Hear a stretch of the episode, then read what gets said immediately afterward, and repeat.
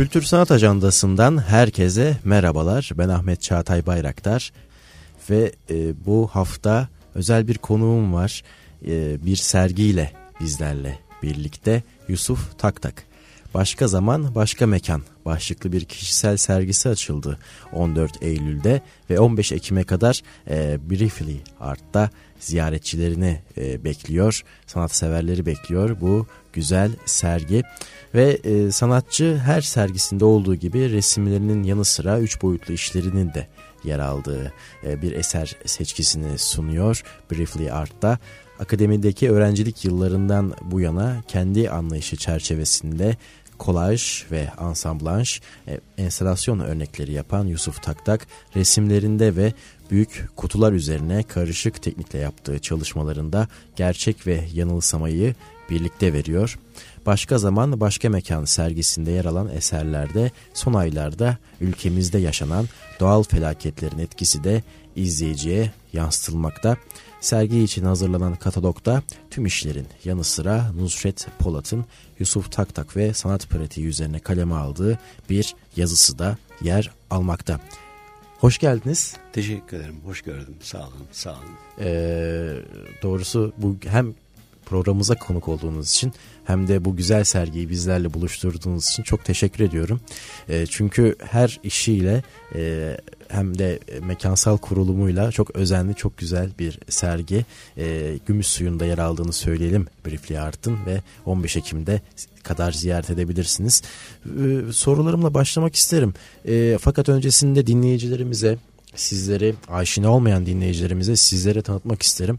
E, 1951'de Bolvedin'de e, doğdunuz. 74'te İstanbul Devlet Güzel Sanatlar Akademisi'nde mezun oldu Yusuf Taktak. Eğitimini Avusturya Salzburg Yaz Akademisi'nde sürdürdü. 76-92 yılları arasında İstanbul Resim Heykel Müzesi Arşiv bölümünde ve İstanbul Devlet Güzel Sanatlar Akademisi'nde öğretim görevlisi olarak sürdürdü. 99 yılında Yeditepe Üniversitesi'nde öğretim görevlisi olarak çalıştı. 2005'te Yıldız Üniversitesi Sanat Tasarım Fakültesi'nde öğretim görevlisi olarak çalışmaya başladı. Ee, hem akademi hem sanatsal üretim var. Fakat biz hemen e, başına gidelim ve buradan hemen sergiye doğru ilerleyelim. Şimdi akademideki öğrencilik yıllarınızdan beri mekan ve zaman üzerine üretip çalışıyorsunuz. Evet. Ee, başka zaman başka mekan sergisinde e, hangi farklılıklar veya hangi e, değişimler var? Çünkü öğrencilik yıllarınızdan beri çalıştığımız evet. temalar bunlar. Evet. Sergiye baktığımda, bu sergiye, son sergime baktığımda e, doğrusu akademi öğrencilik yıllarında yaptığım resimlerle kıyasladığım zaman e, karşıma çok büyük farklılıklar çıkmıyor.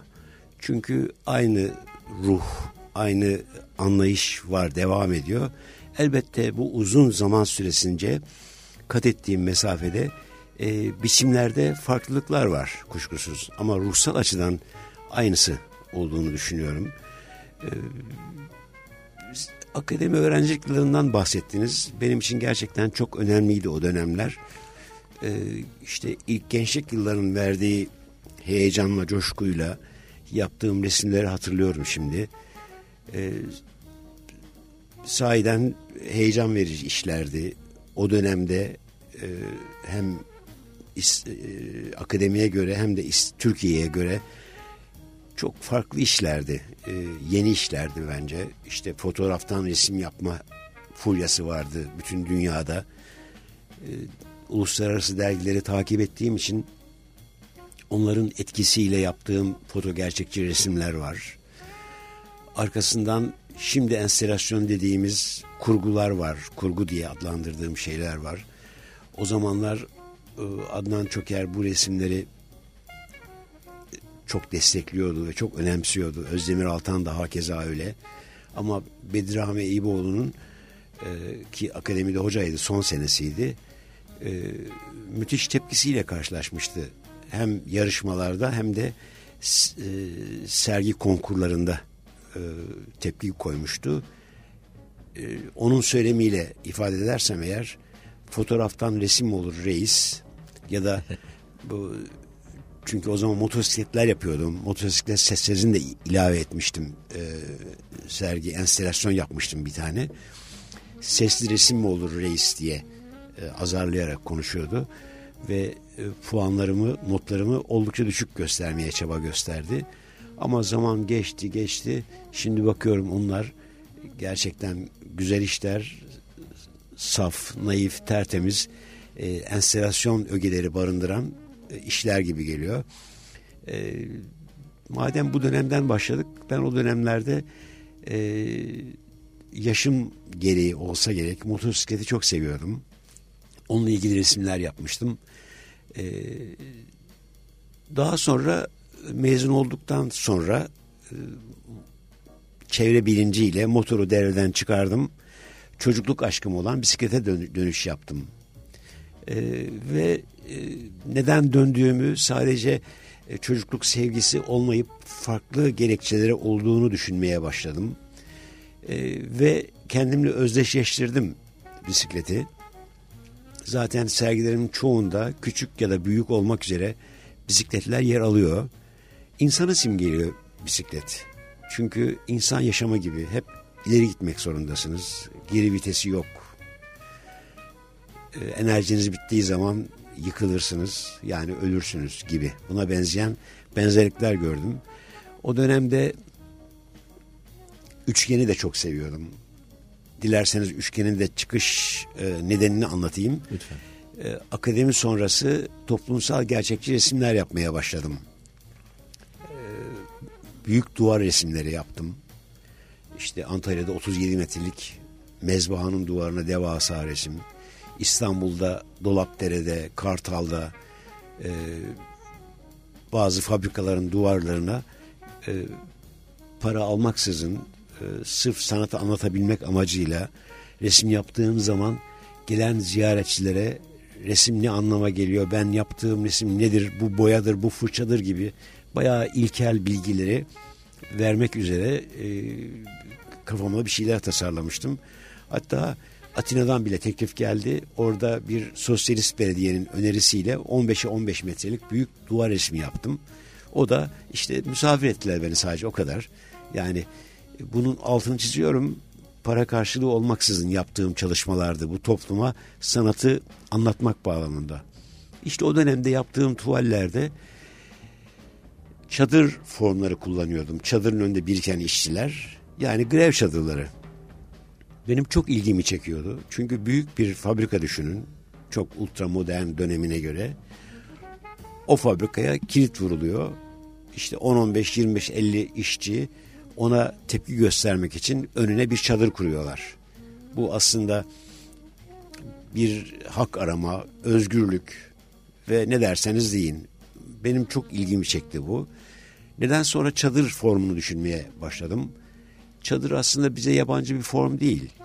E, biliyorsunuz e, göçebe bir toplumuz Orta Asya'dan bugüne. E, onları düşündüm ve bir mekan algısı olmaya başladı. Zaten akademi öğrencilik yıllarında da hep mekan mekan mekan diye e, söz ediyordum resimlerimde. E, birebir e, çadırla karşılaştım yani mekanla. Dolayısıyla çadır formu benim o dönemki resimlerinde yer almaya başladı. 12 Eylül darbesiyle beraber, faşist darbeyle birlikte e, herkes Nazım'ın kitabını bile göstermeye korktuğu bir dönemdi o dönem. E, maalesef Nazım Hikmet de e, yasaklanmıştı o dönemde. Biz de kabuğumuza çekildik. Sadece ben değil, bütün ressam ve heykeltıraş arkadaşlar. Dolayısıyla e, soyutlama süreci başladı Türk sanatında aslında bu dönemde. Ben de o kervana katılanlardandım. Yani resim sanatı derdi ifade etmektir. Hangi biçim olursa olsun hiç ayırt etmez. E, madem kendimi anlatmak istiyorum, bu illa birebir göstermek değil, dolaylı olarak göstermektir diye düşündüm. Zaten e, şimdi düşündüğüm bir şey var. Dünya sanatına baktığımız zaman e, sanat, gerçek sanat e, doğrudan direkt olarak değil e, en direkt olarak dolaylı olarak gösterme yöntemidir. Direkt olarak göstermek ancak illüstrasyon dediğimiz e, piyasa işi yap, yapılan resimlerde yani bir şeyi sunmak üzere yapılan anlatım tarzıdır. O yüzden ben de soyutlama sürecine girmiş oldum o dönemde. Benim elimdeki formlar vardı. Adeta benim e, aktörlerim, aktrislerim gibi oyuncularım vardı. Birisi motosikletten yola çıkıp bisikleti keşfetmem yeniden.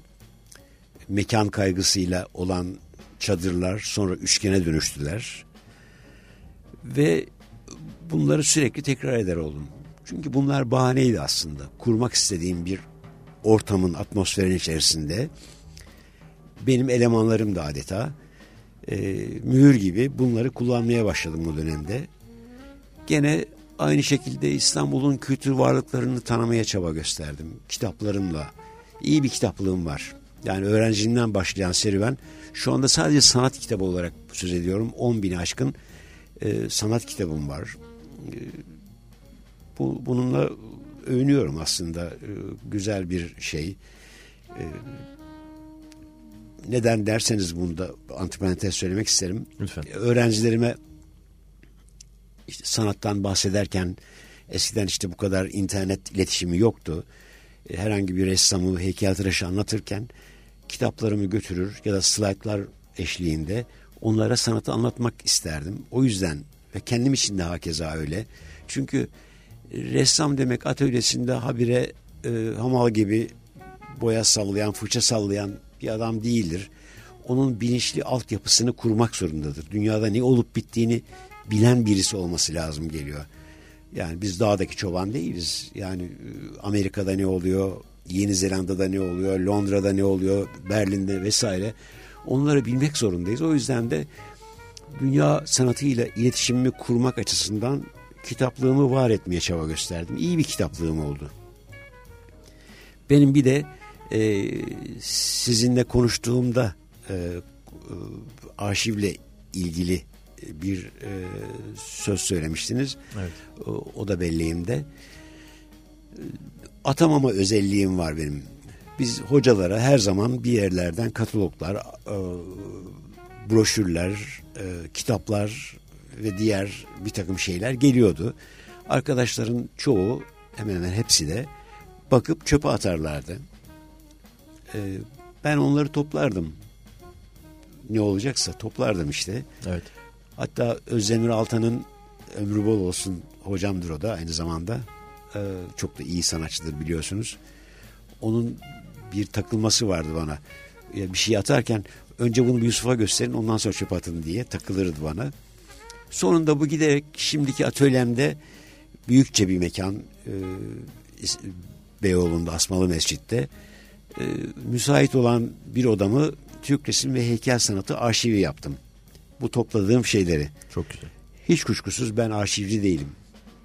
Arşivci, bunun altını çiziyorum ne de kütüphaneciyim. Hı hı. Sadece ben toplayıcıyım. Çünkü arşivcilik ve kütüphanecilikle uğraşan e, uzmanlara haksızlık etmiş olurum. E, ben sadece onları bir arada toplayıp ara sıra bakmak üzere kullanan birisiyim. Nitekim bunu Vasıf Kort'un e, fark etti. Salt aracılığıyla benim arşivi dijital platforma aldı. İki buçuk sene çalıştılar benim atölyede. E, bilgisayar scannerlar falan getirdiler. Dolayısıyla bu e, toplayıp atmadığım şeylerin tümünü saltta araştırma yapanlar, öğrenciler, öğretim üyeleri vesaire dilediklerinde yararlanabiliyorlar oradan. Benim adımı girerek benim arşivimi görebiliyorlar. Bundan da büyük keyif alıyorum. Aslında o zamandan bu yana yani bu kayıttan sonra elbette elimde gene çoğalmaya başladı. Kitapları kaydedemediler telif hakkı sorunu doğar diye. Nadide kitaplarım var. Çünkü sahafları gezmeyi de çok severim ben. Ee, dolayısıyla bu kütüphane ve arşiv adeta benim e, güvende duyduğum, güvencede duyduğum bir alan haline geldi resim yaparken. Yani herhangi bir şey olduğu zaman fırlayıp kütüphaneye inmek ya da Türk resmiyle ilgili herhangi bir ressamın bir işine bakmak vesaire bunlar beni zenginleştirdiğini düşünüyorum. İyi ki de yapmışım bunları. Sahiden çok önemli olduğunu düşünüyorum. Ee, Ve bir tür de aslında kolaycılıktan kaçındığınızı da gösteriyor. Mesela e, o resmi yaparken sadece fırça darbeleri değil aynı zamanda belli bir birikimi de yansıtmak istediğinizin evet. göstergesi. Ha, e, aklınıza gelen herhangi bir fikri fikir için veya danışmak istediğiniz herhangi bir bilgi için o kitaba doğru yönelmeniz, e, o bilgiyi araştırma isteğiniz aslında sadece fırça darbeleriyle kendinizi ifade etmenizi değil aynı zamanda fikrinizdeki, e, duygularınızdaki e, izlenimleri de yansıtma telaşının evet. göstergesi bence. Ve tabii salt araştırmada da yer alması oldukça güzel bir evet. detay. Ee, internetten ücretsiz bir şekilde e, sizin bu evet. topladığınız zamanında önemsiz addedilen evet. e, ama şimdi bir tarih olan aynı zamanda evet. bir belge olan e, bu arşivle de erişmek gayet mümkün. Genelde atölyedesiniz. Yani atölyede vakit geçirmeyi seviyorsunuz. Çünkü bakın şimdi atölye deyince bence atölye sadece resim yapılan yer demek değildir. Hı hı. Atölye bence bir e, e, düşün adamı gibi, bilim adamı gibi yani bilim adamının nasıl ki laboratuvarı vardır, her şeyiyle beraber kitapları vardır, e, gelip gidenler olur. Atölyeyi tamamlayan ögeler bunlardır bence. Yani resim yapılan alan, kitaplarının olduğu alan, arşivinin olduğu alan, resimlerinin saklandığı alan ve oraya gelip gidenlerin bulunduğu alan çok önemlidir. Çünkü orada konuşmak, kitapların üzerine tartışmak, farklı meslekteki insanların gelip resimle ilgili bir takım şeyler söylemesi, orada resimsel bir fikrin, bir kavramın ortaya çıkmasını sağlayacaktır. O bakımdan çok önem taşıyor bence. Çünkü sanatın tanımını e, her zaman sorarlar bana ve sonunda geçenlerde düşündüm bu sergi öncesinde. Aslında sanatın tam anlamıyla karşılığı bence kavram yaratmaktır. Kavram yaratmaktır. Çünkü yapılan şeyleri tekrar etmek demek değildir sanat. Hı hı. Ancak farklı bir şey yaptığınız zaman yani farklı bir şey yarattığınız zaman, kavram yarattığınız zaman o sanat statüsüne geçer. Bunu da zaman gösterir aslında. Zaman gösterir. Bakın zamanı burada da kullandım. Evet. Zaman her defasında bizim göstergemiz. O yüzden de çoğunlukla zaman kullanıyorum. Zaman demişken şunu da sormak isterim.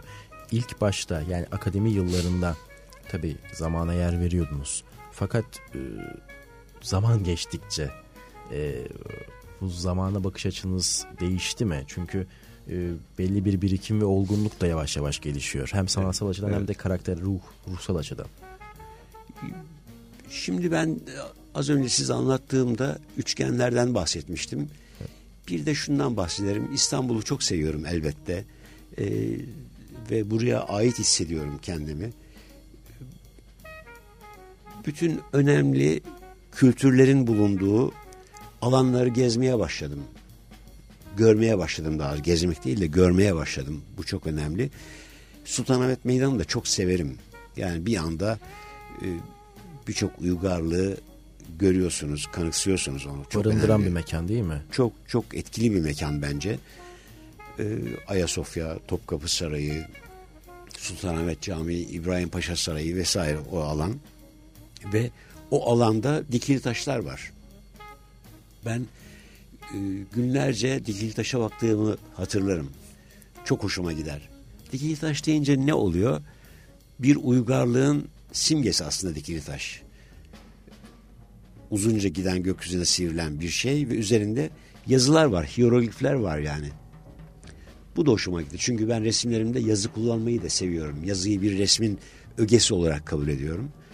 Dolayısıyla benim üçgen giderek dikili taşlaşmaya başladı. Ve dedim ki masumane, gayet naifçe her dönem, her uygarlık, e, her e, egemen olan kişi ve sınıf neyse kendi dönemine ait bir uygarlık taşı yapıyor, dikili taş. Ben de neden 21. yüzyılda İstanbul'da yaşayan acizane birisi olarak kendimle ilgili bir uygarlık taşı yapmayayım diye yola çıktım. Ve bu da bana farklı yollar açtı o yoldan giderek. Mesela Maçka Sanat Galerisi'nde açtığım bir sergide teşvikiye ile ilgili yani bu burayla ilgili bir e, sergiydi aynı zamanda. E, iki tane dikili taş var, nişan taşı var. Birisi o yargıcı firmasının karşısında bulunan nişan taşı, bir de Teşvikiye Karakolu'nun göbeğinde bulunan nişan taşı. Onları araştırdım. Bir araştırmacının e, yazmasına göre bir kitap yazmış İstanbul'daki Nişantaşları diye.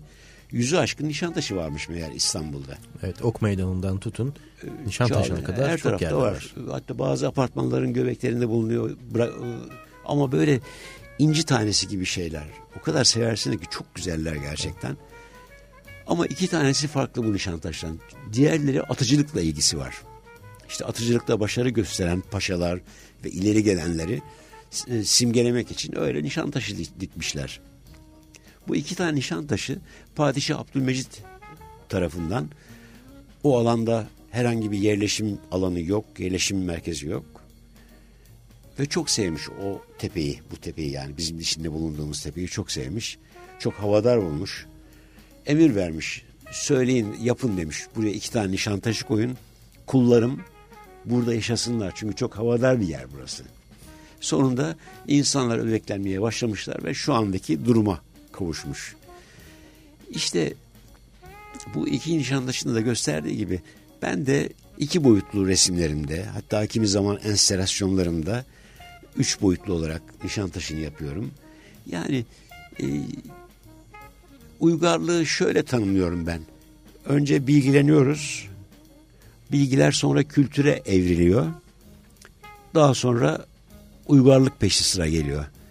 Yani e, bizler acizane e, kültür yaratmaya çaba gösteriyoruz ülkemizde. Hı hı. Hem söylemlerimizle hem derslerimizle hem yaptığımız sergilerle e, hep e, bildirilerimizle vesaire bu kültürü yaratmaya çaba gösteriyoruz. Hani İstanbul'u seviyorum demiştiniz. Ee, geçmişte de e, Avusturya'da e, bulunma imkanınız oldu. Keza Yunanistan'da da bir işiniz evet, evet. öğrencilik yıllarında yaptığınızı dile getirdiniz. Peki bir sanatçı olarak bütün bu imkanlara rağmen neden Türkiye neden İstanbul? Ya bir takım ben işte o sırada Mimar Akademiye o zaman Güzel Sanatlar Akademisi'ydi. E, girmek durumunda kaldım. E, o riski alamadım doğrusu. Yani belli bir mal varlığı olması gerekiyor. E, yani kadro yok yurt dışına gönderilebilmek için. E, dedim ki daha sonra İstanbul'u gerçekten çok seviyorum. Zaten kitaplığımda da İstanbul'la ilgili büyükçe bir bölüm var. Evet kendi ülkemde bir şey yapmalıyım. Çünkü yurt dışından gelen bir takım insanlar Fransa'dan, e, İngiltere'den, Amerika'dan İstanbul'a bayılıyorlar. Çünkü çoğunun böyle bir altyapısı yok. Biz çok şanslıyız aslında. Bunun ayırdına varmak gerekiyor. Parçalar halinde yurt dışına gitmek, dünyada ne olup bittiğini görmek, önemli sergileri görmek daha iyi olacak diye düşündüm. Ve İstanbul'da da e, işte eski Beyoğlu'nun bir parçası olan Asmalı Mescid'de de bir atölye kurdum. Ee, gerçekten doğru bir karar verdiğimi anlıyorum şimdi. Evet, e, kozmopolit yapısı bakımından evet, Asmalı evet, Mescit evet. geçmişten günümüze e, güzel bir uğrak yeri aynı zamanda. 80 darbesinden bahsettiniz. E, tam da öğrencilik yıllarınızdan evet. sonra geliyor değil mi? Evet, 80 darbesi öğrencilik yıllarından sonra 12 Eylül'de yapıldı biliyorsunuz. E, o dönemlerde e, resim yapmak çok zordu. Ben mesela bir sergi yapmıştım. E, sergide bir tarafında Nazım Hikmet'in portresi yer alıyordu resimde. Gerçekçi resimler yapıyordum o dönemde. Hı hı. Ve ihbar edildi. Kim tarafından bilmiyorum. Polis baskını yedim. Sonra kaçtım oradan sergiden. Yakalayamadılar beni.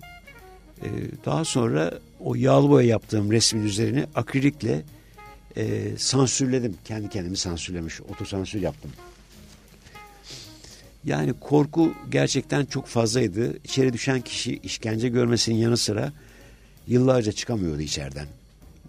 Yani e, aydın kişilerin yanı sıra ressamların da içeride olduğunu söylemeliyim, ifade etmeliyim. Orhan Taylan bunlardan bir tanesi, Cihat Aral öteki vesaire ve birçok aydın da içerideydi.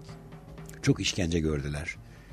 Yani söylemleri sadece baş istiyoruz demek suç haline geldi. Yani benim Nazım resmi yapmam suç olabilecekti. Öyle bir dönemden geçmiştik. Hatta Kenan Evren resim heykel müzesine geldiği zaman O zamanlar çok gençtim. E, müzeyi gezdirme görevi bana verilmişti. Onun yanındaydım. Arkamda da e, İstanbul Garnizan Komutanı vardı. Benim bacaklarım tir tir titriyordu. Çünkü e, İstanbul'da çok işkenceler olduğunu duyuyorduk ki o insanın e, başından çıkıyordu bu.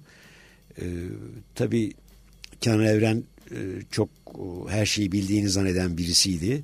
O yüzden katiyen bana bir şey söylemedi. Hele benim gibi çocuğa yani soru mu soracak? O her şeyi biliyor çünkü. Nitekim Osman Hamdi salonunu, Şeker Ahmet Paşa'nın olduğu salonları gezip biçim deformasyonuna başlandığı dönemde yani Cumhuriyet'in ilk yıllarında yani e, Zeki Kocamemi, Ali Çelebi gibi Türkiye'ye modern resmi getiren iki sanatçının odasına geldiği zaman büyük bir küstahlıkla elindeki asayı bunlar da sanat mı yapıyorlar canım? Bunlar sanat mı olur? Nedir bunlar diye saçmalıyorlar diye e, bana göre abuk sabuk laflar edip e, gerisin geri döndü ve diğer salonları seyretmedi. Bir de oysa Resim Heykel Müzesi'nin kurucusu Büyük Atatürk'ü e, anarsak eğer şimdi ruhu şad olsun. Üç ay içerisinde bu ülkede bir müze olması gerekir diye karar veriyor ve Dolmabahçe Sarayı'nın hemen yanındaki Veliaht Sarayı'nı Resim Heykel Müzesi olarak ayırıyor.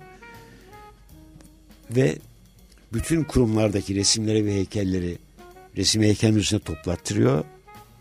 Aynı zamanda bununla da yetinmiyor. Ankara'da açılan bir takım e, sergileri geziyor. Bazı beğendikleri resimlerin üzerine kırmızı işaret koyuyor. Satıldı göstergesidir malum.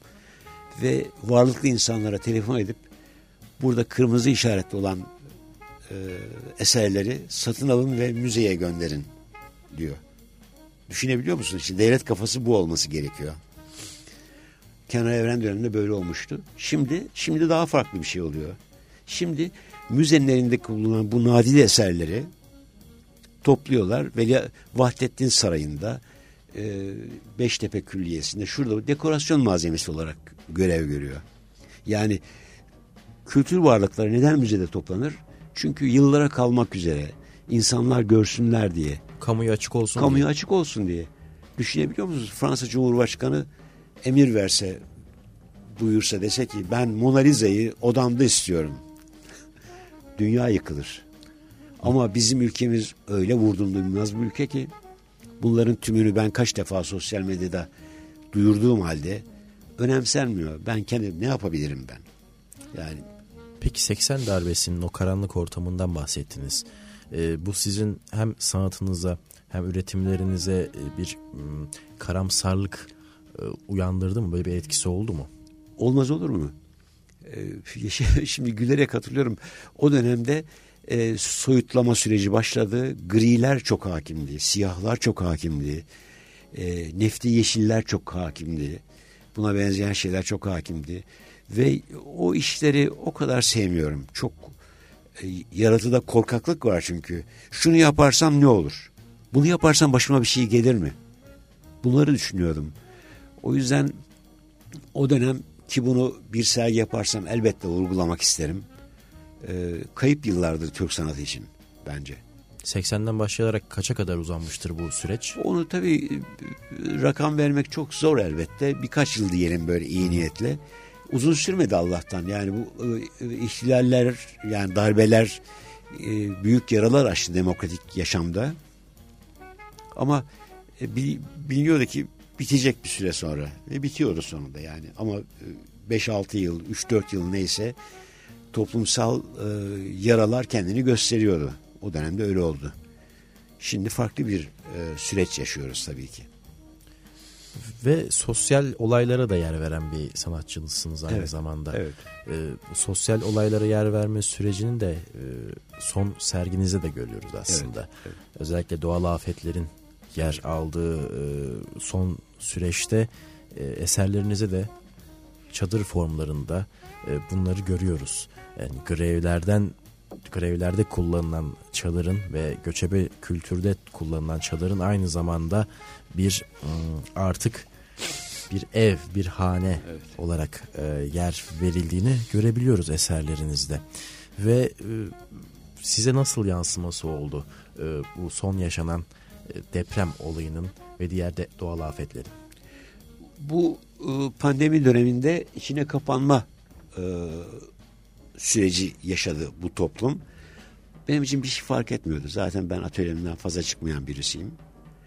Ee, sadece işte ara sıra gelen ziyaretler kesilmiş oldu. Dolayısıyla e, büyük bir konsantrasyon süreci oldu. İşte kitapları daha farklı bir algılamaya başladım. Kitap okudum. Ee, arkasından deprem oldu. Bu da çok acılı bir süreçti. Bu dönemleri toplarsak eğer gerçekten büyük bir yaratıcı dönemdi benim için. Habire resim yaptım. Kolajı çok severim. E, asamblajı çok severim. Bunlarla ilgili sürekli çalışmalar yaptım. Ve kendimi çok düşündüm bu dönemde. Ne yapıyorum, ne yapmam lazım geliyor diye. Bu faydası oldu bana. Ama tuhaftır sergide renk hakimiyeti var. Renk tabii ki resmi oluşturan ögelerden bir tanesi.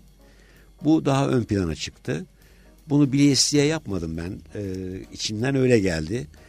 Ee, yani yaşanılan dramlar e, sonucunda çıkan resimlerin e, koyu renklerle, gri renklerle olması gerekirken niye ben renkli yaptım? Belki bir umut vardı yüreğimde. Umudu anlamaya çalışmak, umudu kavramaya çalışmak için renk çıktı diye düşünüyorum kendi kendime. Bu bir ikilem gibi görünüyor aslında. Olsun ama fark etmez. Özellikle e, ziyaretçilerin de görmesini tavsiye ediyorum tabii ki fakat çarpık kentleşme e, eserinizde bizzat gözüküyor aslında. Evet, evet. E, darbe e, evet. depremin etkileri ve niçin neden oldu? Ya o resimleri yaparken ben e, işte ev maketleri de yaptım. Evet. Yani Dikiltaş'ın tepesi gibi adeta bir de mekan algısını yaratmak üzere. Onları yaparken onları düş şey, televizyonda e, işte Güneydoğu bölgesindeki yıkılan evleri görüyordum. E, hüngür hüngür ağlarken bir yandan resim yapıyordum. E, ama çıkan resimler renkli oldu. Belki de bunlardan kurtulma isteği, yapılan haksızlıklar, yapılan yolsuzluklar kahredici geliyordu bana ama ben bir ressamım. Başka da bir şey gelmiyor, gelmiyor elimden. Dolaylı da olsa bu resimleri ortaya çıkardım. Ee, belki de benim en kişisel bulduğum e, sergideki size dair en kişisel bulduğum eseriniz e, Portrem. Evet. Portrem. Orada e, hem kendi e, bir fotoğrafınız evet. yer almakta bir kolaj e, çalışması e, olarak ve bir yandan da e, bir kutu içerisinde yer almakta. Evet. Kutuları bu kadar çok e, bir tuval gibi kullanmanızdaki e, esas neden nedir veya bunun için bir neden, aramaya gerek var mı? E, gerek yok tabii ama farklı bir şey yapmak gerekiyor biliyor musunuz? Yani yapılan şeyleri aynen tekrar ediyor olmak bana doğru gelmiyor. Hı hı. Bana da doğru gelmiyor yani iki boyutlu, üç boyutlu e, farklı yani 21. yüzyılda yaşıyoruz. O kadar çok e, şey var ki yeni buluşlar var ki bunları katmak istiyorum ama becerebildiğim ölçüde. Ben isterim ki bilgisayara da dahil olmak, e, başka teknolojilerle de e, yapmak ama elimden gelebilecek olan şeyleri yapmaya çaba gösteriyorum.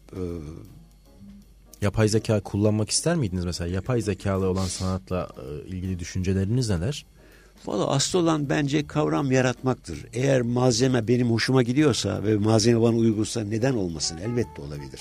Hı hı. Nitekim bununla ilgili olarak bir takım sanatçılar e, denemeler yaptılar. E, daha dün okudum. E,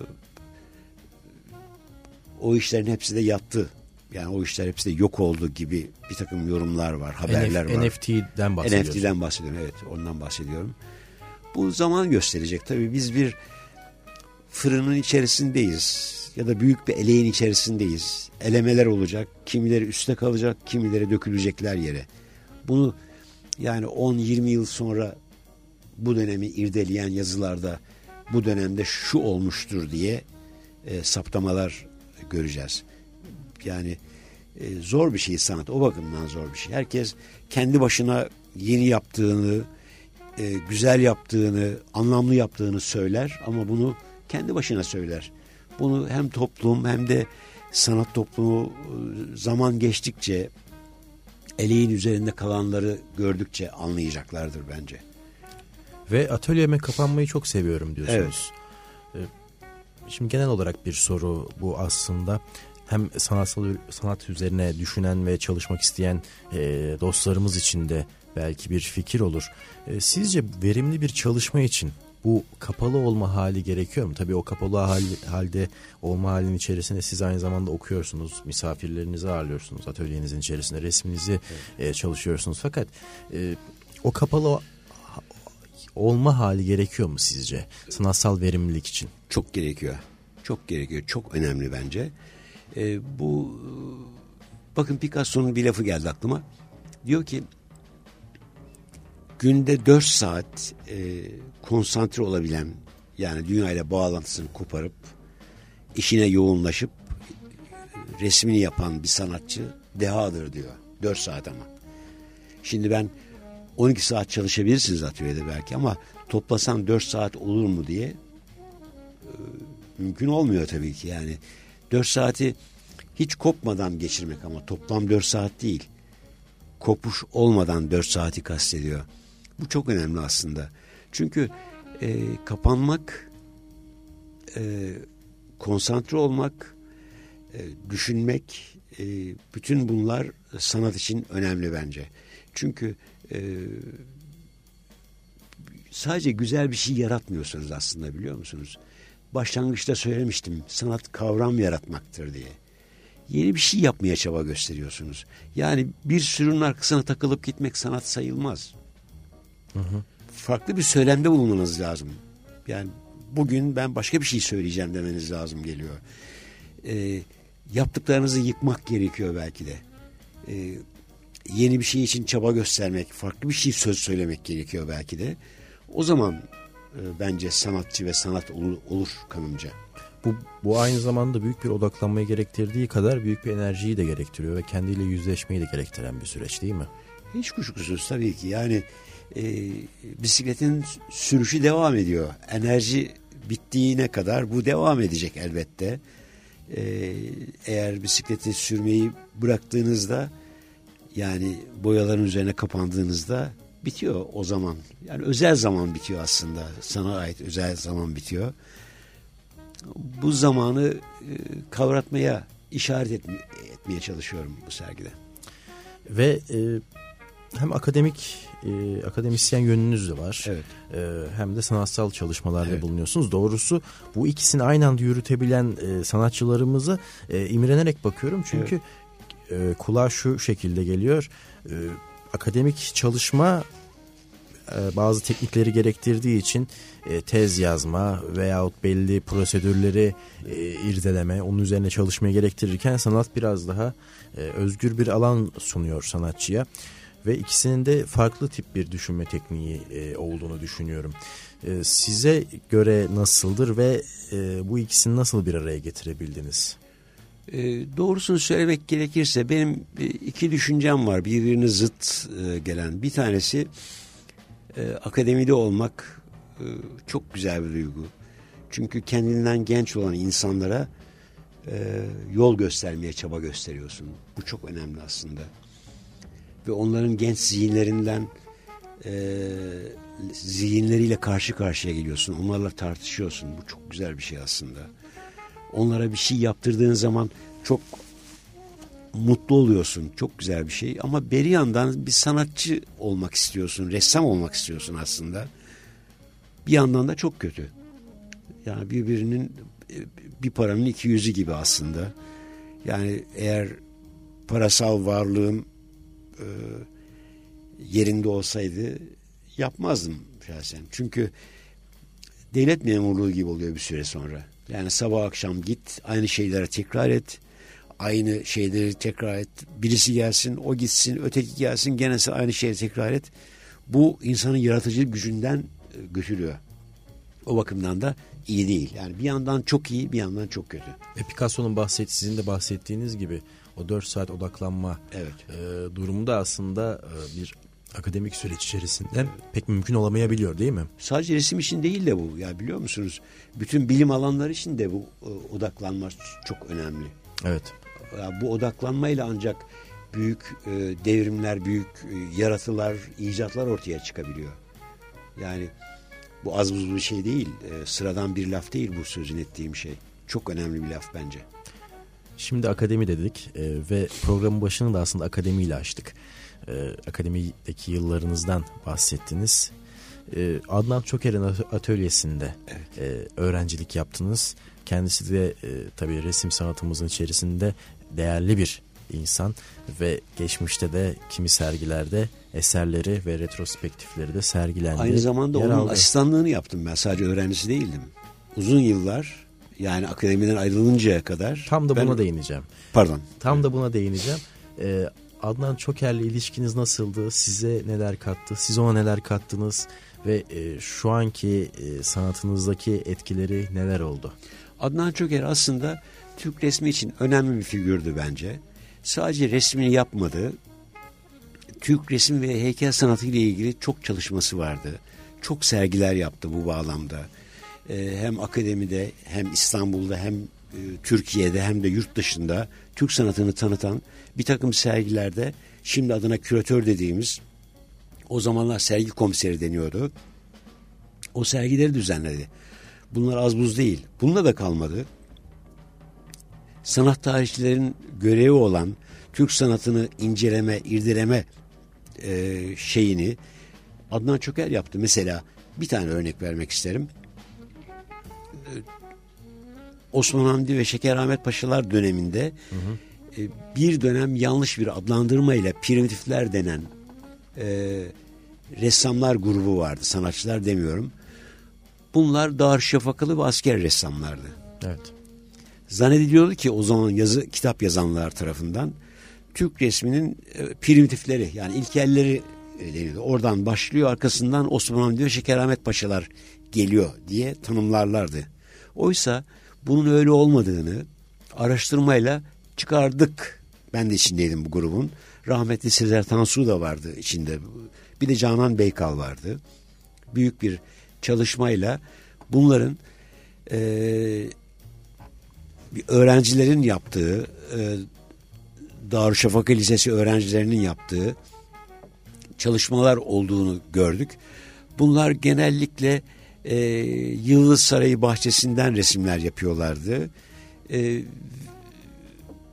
bir önceki tanımlamalarda diyorlardı ki e, sanat tarihçileri ressamlarımız e, e padişahın büyük bir e, öngörüsüyle bahçesine kurdurduğu tezgahlarda e, işte resimler yaptırılmıştır ressamlara deniyordu. Oysa bunun öyle olmadığı sana e, ressamlara sadece e, 18 çarpı 24 boyutlarında fotoğraflar verildiği, siyah beyaz fotoğraflar verildiği ve bunlar kendi atölyelerinde saray bahçesini görmeden, sarayın içini görmeden resmettiklerini anlamış olduk. Bu da nereden çıktı? Ee, sarayın yani Yıldız Sarayı'nın fotoğrafçısı Abdullah biraderlerin çektiği fotoğrafların albümünü biz e, Yıldız Sarayı e, kütüphanesinde gördük. O da İstanbul Üniversitesi'nde şu anda. Orada gördük. O zaman bütün resimlerin orijinallerini, fotoğraflarını orada görmüş olduk. Bu bir buluştu gerçekten. Ee, bizim de yardımımız oldu hocaya. Ama Adnan Çöker'in büyük bir çabasıyla oldu bu tabii ki. Yani demem o ki sadece öğrenci yetiştirmedi. Yüzlerce öğrencisi vardır. Ee, sadece e, resim yapmadı. İşte Türk resmiyle ilgili sergiler vesaire yaptı. Ee, konferanslar yaptı gerçekten. Ee, çok büyük katkısı olan birisiydi.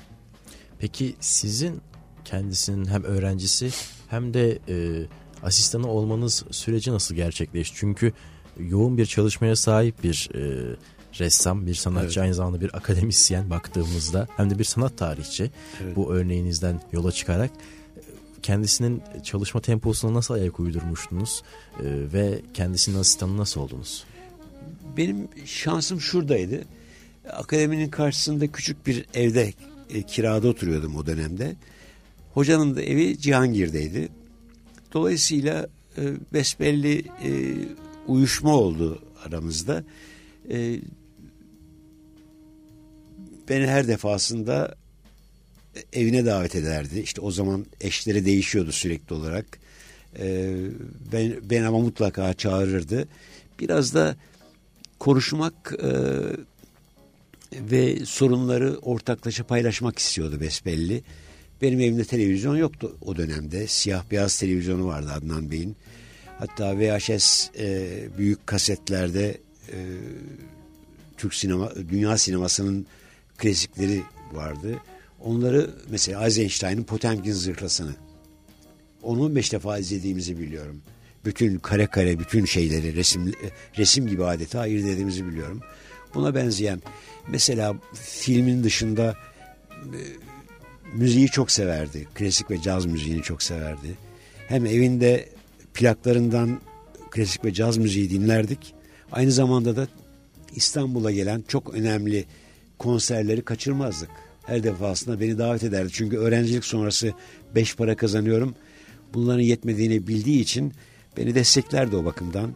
Giderdik hatta birkaç defa azar bile işittik e, seyircilerden. Çünkü konuşarak anlatıyordu. Şimdi bak düet yapıyorlar vesaire falan diye. Ses yapıyor doğal olarak. Kesin diye bağırdıklarını hatırlıyorum seyircilerin. O yüzden e, minnetle hatırlıyorum e, Adnan Bey'i. Çok e, müziği anlamamı sağladı gerçekten. Ben zaten o dönemlerde e, Atatürk Kültür Merkezi yakın olduğu için hafta sonu konserlerine giderdik. Çok ucuzdu. Yani e, müziğe aşina biriydim eninde sonunda. Ama Adnan Bey'in bilgilendirmesiyle bu daha bilinçli bir düzeye gelmiş oldu. E, e, onun dışında tiyatroya giderdik Adnan Bey'le. Yani demek kısa kesmek istersem sanatın bütün alanlarını e, anlatmaya çalışırdı. Sanki atölyede değil de hayat atölye gibi öyle bir e, desteklemesi olduğu için unutmuyorum. Minnetle anıyorum onu. Kendisini de böylece yad etmiş olduk, anmış olduk. Hem önemli çalışmalarıyla hem de e, kendi sanatsal üretiminin yanında diğer sanat dallarına önem vermesi bakımından oldukça değerli bir isim Adnan Çoker. Ben çok teşekkür ediyorum katıldığınız için. Ben teşekkür ederim. Ve bu güzel sohbet için. Ben teşekkür ederim. Sağ olun ilgi gösterdiğiniz için. Ee, umarım yeni sergilerle karşınızda oluruz. Ve de en son olarak şunu da sormak isterim. Sosyal medyayı aktif olarak kullanan bir e, sanatçısınız ve son olarak da e, resimden, atölyeden e, resimlerinizin ayrılmasıyla doğal olarak atölyenizin boşta kaldığını söylemiştiniz, evet. paylaşmıştınız. Evet yeni resimlerle de olmaya boş başladı mı? Boş durur muyum ben hiç? Hiçbir zaman boş durmam. Atölyenin boşalan resimler bölümüne büyük bir masa kurdum. 3-4 masadan oluşan. Ee, ve benimle ilgili olan belge ve bilgileri orada toparladım. Gerekçesi şu. Ee, terzi kendi söküğünü dikemez derler ya. Evet. Onun örneğinde olduğu gibi ben her şeye koşturmaktan kendimle ilgili bir şey yapmadım. Şimdi bir kitap önerisi geldi bana. Ne güzel. O heyecanla işte tasarımcı belli, e, yazar belli. Ondan sonra ben arşivi topluyorum. Onlara malzeme vermek üzere. Ee, umarım bir sene sonra bir kitabım olursa göklere uçarım. Yani benim dönemlerde kat ettiğim mesafeleri de gösterecek bir kitap olacak bu. Onunla bir yandan da resim yapıyorum. Bir yandan sulu boya çalışıyorum. Bir yandan desen çalışıyorum. Tabii ki bir yandan da eski göz ağrım tuval yapıyorum. Yani boş durmuyorum. Dolu dolu bir çalışma temposu devam ediyor e, atölyenizde. Yakın zamanda hem yeni resimlerinizi hem de e, bu kitabı da size el alan, size anlatan bu kitabı da İnşallah. yakın zamanda raflarda görürüz diye umuyorum. İnşallah. Tekrar teşekkür ederim. Çok teşekkür ederim ilginize. Evet, e, Kültür Sanat Ajandası'nda Yusuf Taktak konuğumuz oldu. Başka zaman, başka mekan başlıklı bir kişisel sergi e, sunuyor bizlere Yusuf Taktak. Tüm eserleri e, son 3 sene içerisinde yaşanan e, hem pandemi hem de diğer doğal felaketleri içeren e, yansımaların yer aldığı bir sergi. 14 Eylül'de açıldı ama halen vaktiniz var. 15 Ekim'e kadar ziyaret edebilirsiniz. Briefly Art'ta e, İstanbul Gümüşsuyu'nda yer alan bu sanat galerisinde takip edebilirsiniz ve bir yandan da e, Nusret Polat'ın Yusuf Taktak ve sanat pratiği üzerine kaleme aldığı bir e, yazı da yer alıyor sergi için hazırlanan katalogda. Ben Ahmet Çağatay Bayraktar Kültür Sanat Ajandası'nda haftaya çarşamba görüşmek dileğiyle. Hoşçakalın, kültür sanatla kalın.